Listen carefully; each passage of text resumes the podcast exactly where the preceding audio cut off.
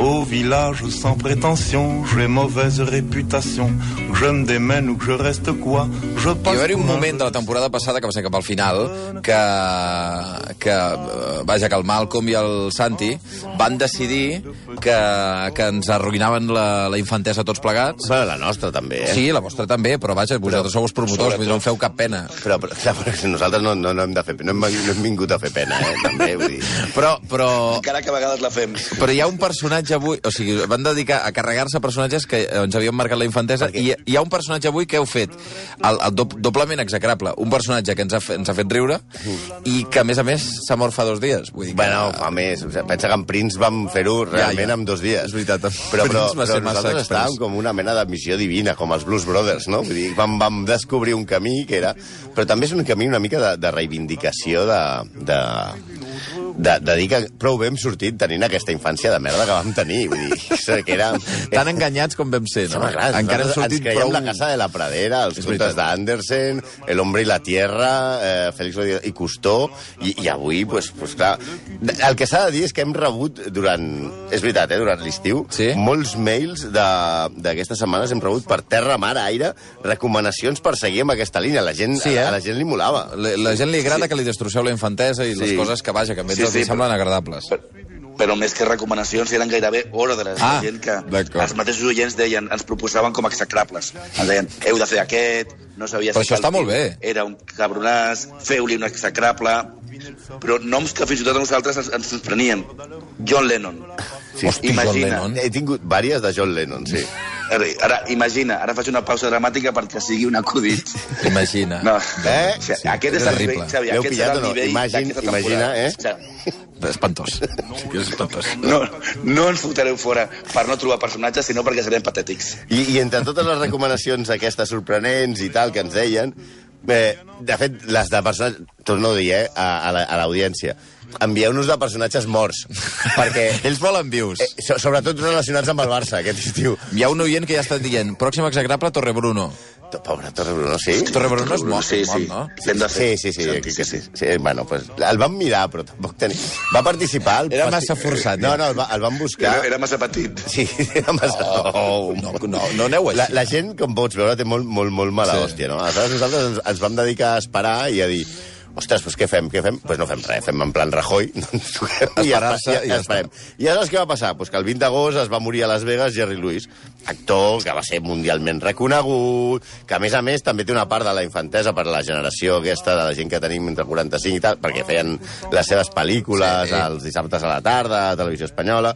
Va, aleshores, els, els crítics i els obituaris dels diaris van parlar de que era un gran home, una, una figura, sí, el van posar a l'altura de Chaplin i van dir que era, que era, vamos, era la seva tasca contra els desvalguts, tot això, no? O sigui, semblava que la gent estigués veient pel·lícules seves fins ahir, quan... O sigui, que a mi que em digui algú qui ha vist una pel·lícula de Jerry Lewis Home. en els últims 30 ah, no. anys. En, en els últims anys, No, sí. ni Déu, Però, sí, però ni Déu l'ha vist. He de reconèixer que l'última setmana no. I aleshores vam dir, hosti, per què no anem a per aquest, que ajunta ho de la infantesa, i, a més a més, que està encara així, encara està tevi, no? Per tant, Per tant, vam començar a gratar i vam veure que era egocèntric, feixista, homòfob, insuportable, gomaníac, passater, cregut, i ho vam tenir clar. Senyores i senyors, amb tots vostès, Joseph Levitch, conegut com a Jerry Lewis. ai, aquesta sí, el professor Chiflado. Però si ho vaig sí, passar sí. molt bé amb el professor Chiflado.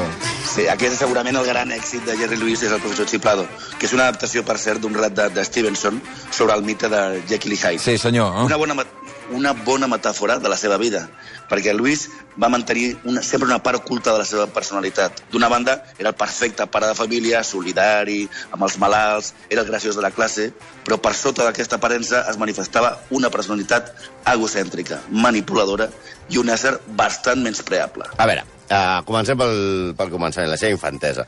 Els seus pares ja es dedicaven al vodevil. Advertència, primera, tercera temporada pas de l'ESO. Vodevil. És actuar en obres Arribarem al punt que s'hauran carregat l'ESO i vosaltres encara estareu amb Sí, l'ESO. Eh? sí, bueno, amb la independència igual s'ha de carregar. És allò de, sense grans pretensions, només és per entretenir la gent que es fa en un edifici que es diu teatre, que tampoc us sonarà. Que és com, era com una tele, però a, No, home, no, va, va, passa, i, a- i, passa. amb, i amb cadires, i la gent... Vale, bueno. Ell, ell aleshores va És començar... veritat que si vas al teatre no hi veus gaire generació ESO. Això és veritat. No, no. Entre el públic. Però Bé. tornem-hi, va. Va. Va actuar de ben petit en els teatres, que és aquella com una sala, com un plató de televisió, però que, a- amb gent que actua, i vestida, disfressada i tal. I aleshores, eh, ella, ell era, era de, de petit era el graciós i el gamberro de la colla. Però el gamberro d'aquests xungos, no? Es dedicava a, a entrar a la cuina a les veïnes, robar pastissos, a, al pollastre fregit i això. I això un dia pot fer gràcia. Però se'n diu robar, collons. O sigui, però com el tio tenia certa vis còmica, que es diu, i posava aquesta cara de, de babau insuportable, doncs es salvava de que li fotessin la pallissa que es mereixia. Ai, va. Sí, sí. De seguida es va posar el nom artístic Jerry Lewis, perquè mantenir Joseph Levitch deixava massa exposada la seva ascendència jueva. Ja. Tot i que al principi es va fer dir Joe Louis, però va triar Jerry finalment per tal de que no el confonguessin amb el boxejador Joe Louis. O sigui, tenint en compte que un era actor i l'altre boxeja- boxe- boxejador, que un era blanc i l'altre negre, sembla totalment No, lògica. era normal, confusió. els confonien pel carrer. O sigui, hi havia, hi havia un tio negre de metro 90 de dos que anava metres. repartint galetes que li deien el bombardero de Detroit i l'altre es deia Jerry Lewis. Diu, que feia Hòstia, no sé quin dels dos és. A part del petit detall que un era blanc i l'altre negre. Però bueno, no sé. A més, tampoc és que estigués per fer massa boxa, eh? perquè la seva salut no estava per posar-se a practicar esports. Luis, és veritat, va viure fins als 82 anys, però amb una, amb que diuen, una mala salut de ferro, no? Mireu que el 1960 va tenir el seu primer atac de cor. El 1982 se'l va declarar mort per uns instants. El 2006 va tenir un altre atac de cor amb un avió. Tenia una artèria obstruïda al 90%, fet que el va obligar a implantar-li dos estents. A més, tenia fibrosi pulmonar, càncer de pròstata, diabetis, va agafar una meningitis, Tio. tenia una lesió crònica a l'esquena que el va fer otoe addicte al percodan, que és com una mena de, de, de tranquil·litat, de, de sedant, Sí. i es va obsessionar en amagar el seu envaïment sometent-se a diverses operacions estètiques en plan eh, Aramis Fuster. Tipo, estava fet una coca, eh? Estava realment. fet una merda. Sí, i ara em direu, amb, amb certa raó, eh? Que no hi ha per tant, pobre tio, no? Bueno, clar, és que... que, que el problema és que no volia pagar els tractaments. Ja hem dit que tot i ser immensament ric, era un pèl, per no dir otoe, a la serra Garrepa. Quan va tenir la meningitis, va estar hospitalitzat 5 mesos a Austràlia, a l'any 99, i allà va negar-se a pagar la factura mèdica i va demandar l'hospital a sobre per import de 100 milions de dòlars. Home. També per pagar-se... Sí, ja està bé, doncs ja, com no pago ja sobrat demano. No, perquè com, el, com a l'hospital va dir no, no vol pagar, ell va dir que l'estaven difamant i va demandar a l'hospital 100 milions. Amb 100 milions. Sí. Va guanyar o no? No. no ja m'ho imagino. No, va, va perdre, va Ja perdre. imagino. També per pagar-se els diversos tractaments mèdics es va fer portaveu de la companyia farmacèutica Medtronic, a la qual, amb la qual feia anuncis gratis, en plan Iker Casillas, amb això de que t'arreglen les preferents, saps? Saps allò de... Eh? Vosaltres em passeu, em, passeu la, em passeu la merda perquè jo em curi i jo us faig eh, els anuncis gratis. I, amb totes, les- eh, I a més a més, amb totes aquestes xacres i sense ser un tipus realment guapo, tipus Cary Grant, Paul Newman o el major trapero, diguem-ne, no? Que, que, que ara seria... Home, està en el, en el top 10 dels homes més guapos de Catalunya, ara mateix. Jo el veig el Trapero. trapero un dijous a la nit al Luz de Gas i no surt viu. Sí. Vamos. Però bueno, va tenir un gran èxit amb, la, amb les dones. El... Això és un desastre, eh? No Trapero, eh, Jerry Lewis, eh? Ja, ja. A, a més de casar-se dues vegades, va tenir un bon grapat de mans i amb un acte, diguem-ne, poc cavallerós, perquè els cavallers no tenim memòria, recordeu sempre, estimada audiència, va arribar a fardar en públic que s'allitava amb Marilyn Monroe, ni més ni menys, no? Ell va arribar a dir, puc assegurar que Marilyn no tenia res a veure, res res, cap afer, diguem-ne, amb el president Kennedy, perquè en aquella època estava embolicada amb mi. Ho sé perquè cada nit em deixava lisiat. Home, diguem-ne que allò de, de, de, de cavallerositat i tal no seria el campió de la modèstia. A part de que això ho va dir per protegir el seu amic Kennedy o bé perquè no s'enterava de res, realment. Però, vamos, i llets, llets anar fardant d'haver-te tirat a Marilyn. Everybody loves somebody sometime. Aquest és Dean Martin, no? Sí, això és la veu de Dean Martin, que és meravellosa. Perquè on va quedar retratada la seva personalitat és en la manera de comportar-se que va tenir en Dean Martin. De l'any 46 al 56, la parella Martin-Lewis era com Neymar-Messi. Bueno, ja no. I va No, ser la no, no, no, seria la parella Paulinho Dembélé. No, però aquests eren la bomba als Estats Units. Van començar a actuar junts en clubs de Nova York on feien de la parella perfecta pel públic. El cantant, guaperes, canalla, bevedor, i amb gran sentit de l'humor, i el còmic histriònic, que pues, es fonien en els seus números d'una forma que no s'havia vist fins aleshores. Lewis, Lewis cantava tan bé com gràcia tenia Martin. I s'interrompien, improvisaven, i van fer, com era d'esperar en poc temps, el salt dels clubs a Broadway i de Broadway a Hollywood. Sí, Louis B. Mayer, el- l'amo de la, de, de la gran productora cinematogràfica, amb la sensibilitat que el caracteritzava, ja us recordeu que una vegada vam explicar que Mayer abans de tenir els estudis de cinema, eh, tenia una deixalleria i va passar de, de, de la ferralla al cinema Hosti, i va ser el que, va, el que va, li va pagar una hòstia que va plegar a, a Charles Chaplin un dia en, un, en una festa. Eh, el va, els va definir a la perfecció. Quan li van presentar a Martin i Luis va dir molt bé, amb l'organista encara podem fer alguna cosa, però què faig amb el mico? Oh! I, i, bueno, ella es pensava que Martin, perquè era el guapo, el cantant i tot això, seria el gran reclam, però es va equivocar. El mico, és a dir, Jerry Lewis, es va guanyar el favor del públic gràcies a uns guions que afavorien les seves dots còmiques espectacularment. Mm.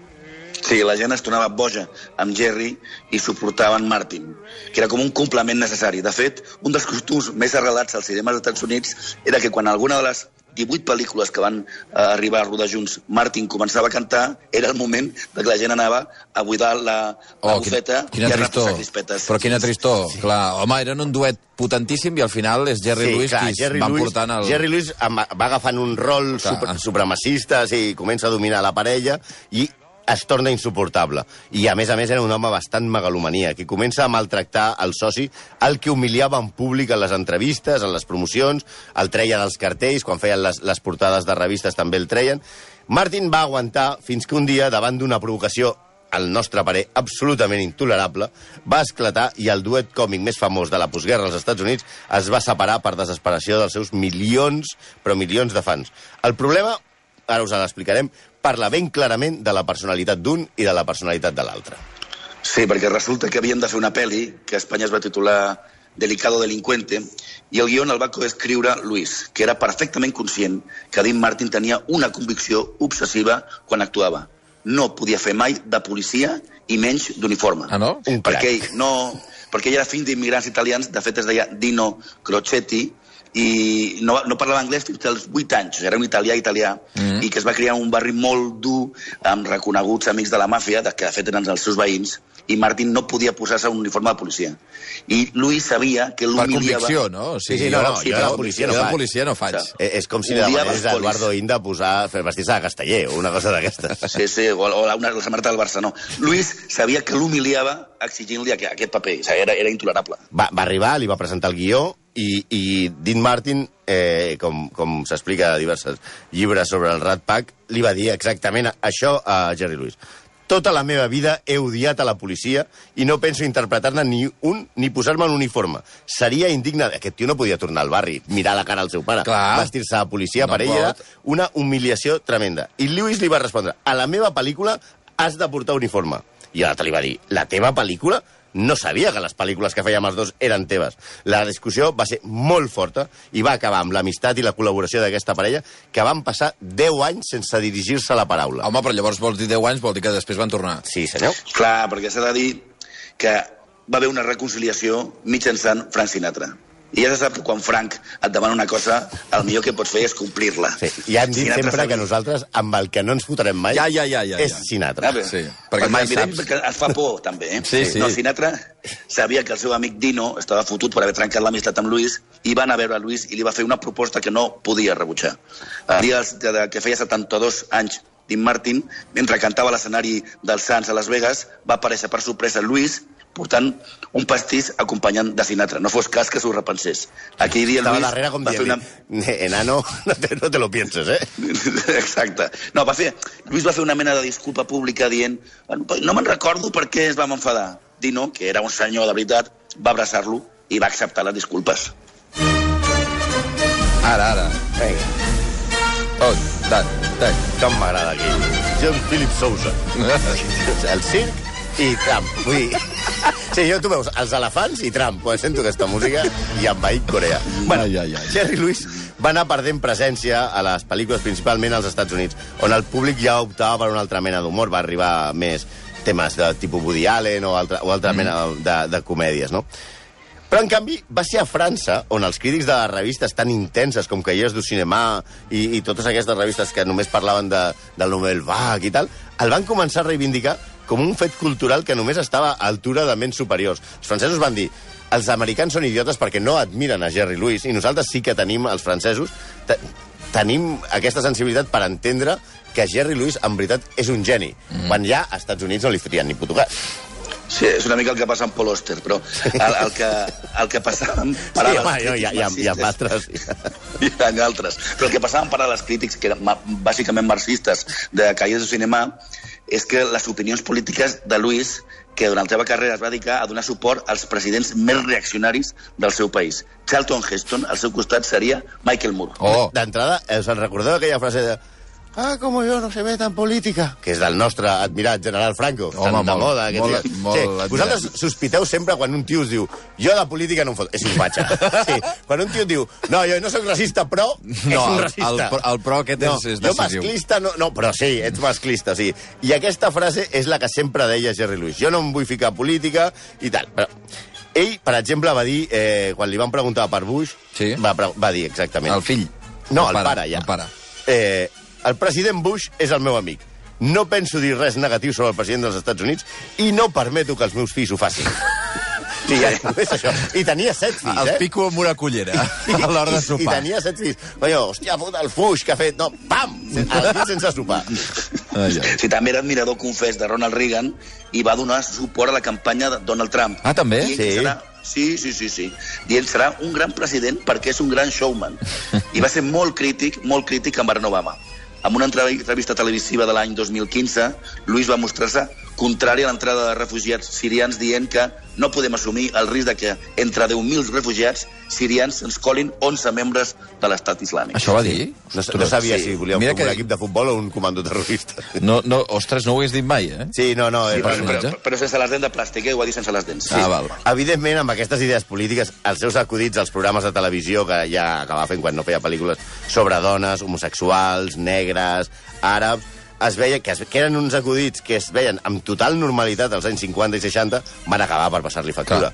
Ell, ell va conduir durant molts, molts anys, una, crec que 46 anys seguits va fer la, la mara, una marató televisiva que es feia es fa en el Dia del Treball als Estats Units, un dia que que coincideix amb un dilluns de, de novembre, mm. que és eh, que tothom està a casa, i ell, durant 45 anys continuats, la va presentar una marató contra, es deia Teleton, contra la distròfia muscular, no? Ell, eh, ell aleshores eh, va, va seguir fent aquests acudits i eh, que, que el posarien, diguem-ne, eh, a l'altura d'Arevalo i Bertino Osborne, no? Aquests que van dient de que...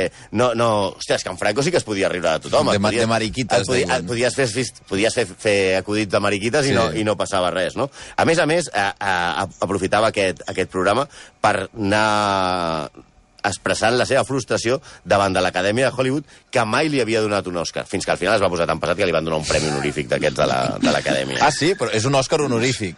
Jo no sé si Sí, d'aquesta l'Òscar honorífic o el premi de l'Acadèmia, Enca... Ah, val. que és diferent. Sí, sí. Sí, als últims anys de la seva vida es va dedicar als negocis, muntant una empresa de sales de, sales de cinema. Comprava grans cinemes de barri, de ciutats petites, i els convertia en multisales que funcionaven absolutament mecanitzades, reduint el personal que hi treballava a un 90%. Sí, només hi havia la taquillera i el projector. I ja està. Sí.